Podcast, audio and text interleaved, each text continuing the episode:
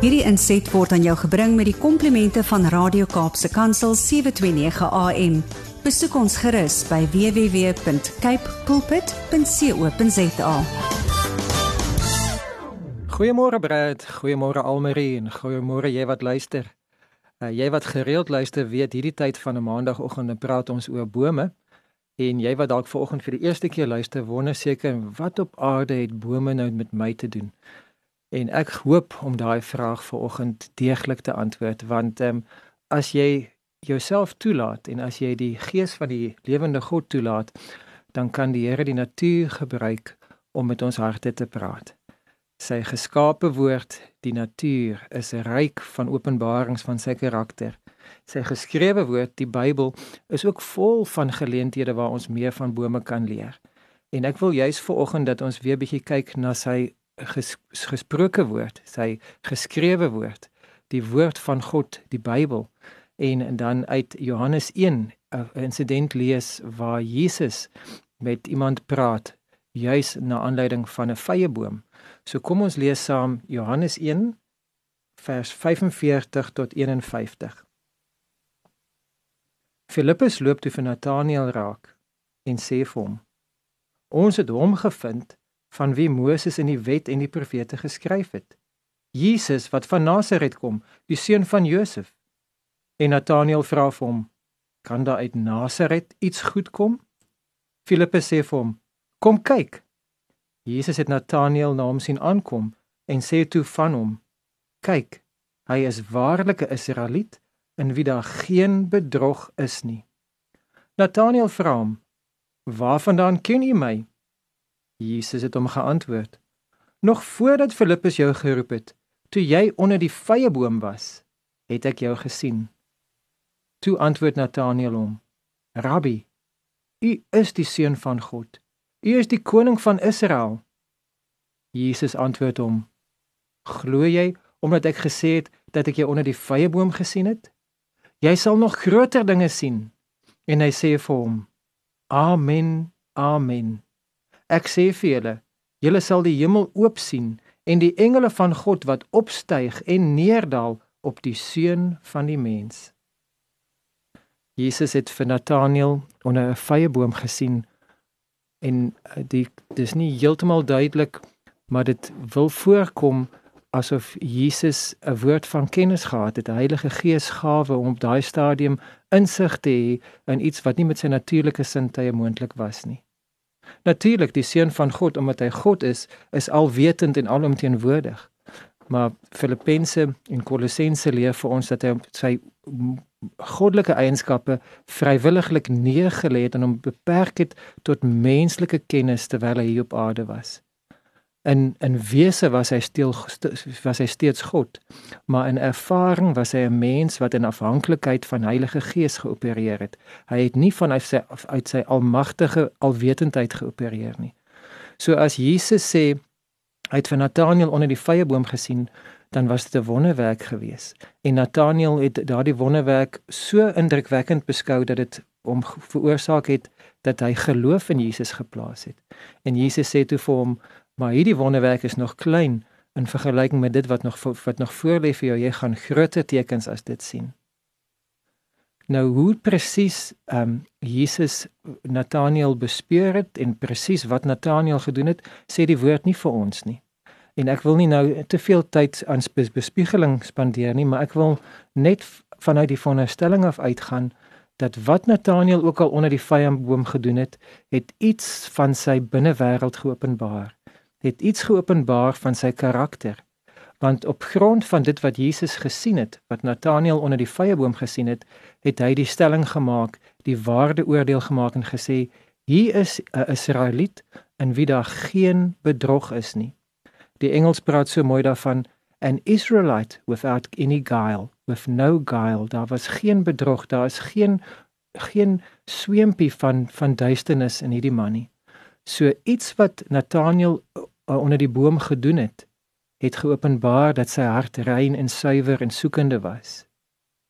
Nou, ons sal eendag in die ewigheid as ons van vir Jesus van aangesig tot aangesig sien en dan vir Nathaniel van aangesig tot aangesig ontmoet, kan ons maar 'n bietjie vir hulle onderhoud voer en dan met hulle praat oor wat was die detail van hulle situasie. Maar uh, want ek glo regtig die van ons wat kinders van die lewende God is wat vir Jesus aangeneem het, gaan daai geleentheid hê om al hierdie Bybelse figure persoonlik te leer ken en ons gaan mekaar kan ken en erken en ons gaan mekaar kan ondervra en ons gaan mekaar se backstories kan hoor en ons gaan alles hoor van uh, Nathaniel en hierdie vrye boom. Maar ek wil dat hierdie vrye boom vir my net 'n springbord wees dat ek kan dink ehm um, wat dit beteken om my binnewêreld te openbaar. Wat beteken dit om dit wat binne in my is bekend te maak? Daar is baie van van die mense in my in my kring wat lewe as absolute transparante deursigtige mense en dit wat hulle voel, dit wat hulle dink, dit wat hulle beleef, uh, dit kom net spontaan uit hulle uitgeborrel uit en ek leer so baie by hulle deur hulle deursigtigheid. Uh ek is meer uh die uh, stil sterk tipe wat uh, geneig is om dit wat in my binnewêreld aan te gaan eerder te prosesseer en nie noodwendig uh met die met met met my hart op my mou te loop nie, maar dit eerder vir myself te hou en soms nie eers vir myself te erken wat in my binnewêreld aangaan nie. Daar is voordele in tye van krisis om dan uh, besadig of om dan uh, uh verantwoordelik te wees en kalm te kan wees. Daar is 'n voordeel daarin, maar die nadeel is dat ek dan dikwels soos 'n toeskouer van die lewe lewe eerder as 'n deelnemer van die lewe en dit is nie gesond nie en dit is nie wat die Here bedoel het vir my nie. En die Here wil hê dat ek baie meer deelnemend en belewend moet lewe. En een van die maniere wat ek dit kan doen is om hulpmiddels te gebruik. En ek wil 'n hulpmiddel deel wat ongelukkig 'n stukkie hartseer agtergrond het.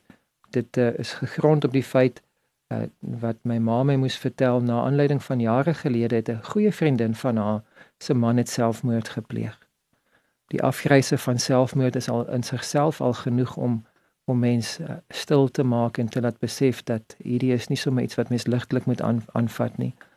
Maar in in hulle geval was dit 'n gruwelike selfmoord omdat die man in sy donker uur, in sy desperaatheid, in sy totale verwarring, het hy homself geskiet in hulle eie badkamer.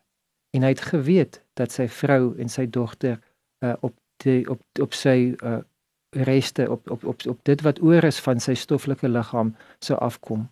En dit was ook so dat 'n bloederige toneel het hierdie arme vrou um ontmoet toe sy die badkamer deur oopmaak. Sy is deur trauma, sy is deur skok, sy is deur hartseer, sy is deur verlies en rou en omdat sy 'n sterk persoon is en omdat sy 'n gelowige persoon is, het sy haarself gekry by 'n punt waar sy weer vorentoe kon kyk maar sy het ongelukkig eh, 'n uh, deel van hierdie trauma probeer wegsteek vir haarself. En in berading was die raad aan aan haar gewees dat sy moet aktief kan rou. Sy moet aktief kan deel met hierdie pyn. Sy moet dit nie probeer wegsteek nie. Sy moenie maak soos wat ek maak en dan dinge uh, wat my pla net wegskuif na die kamer langs aan toe nie. Sy moet daarmee deel. En uh, toe sy gesê nee, maar sy wil nie soos 'n slagoffer voel nie. Sy wil nie in selfbejammering die hele dag deurgaan nie. En toe was dit die berader se raad aan haar wat my ma toe nou oorvertel het aan my en wat ek vandag met jou wil deel, is dat jy moet 'n spesifieke tyd maak.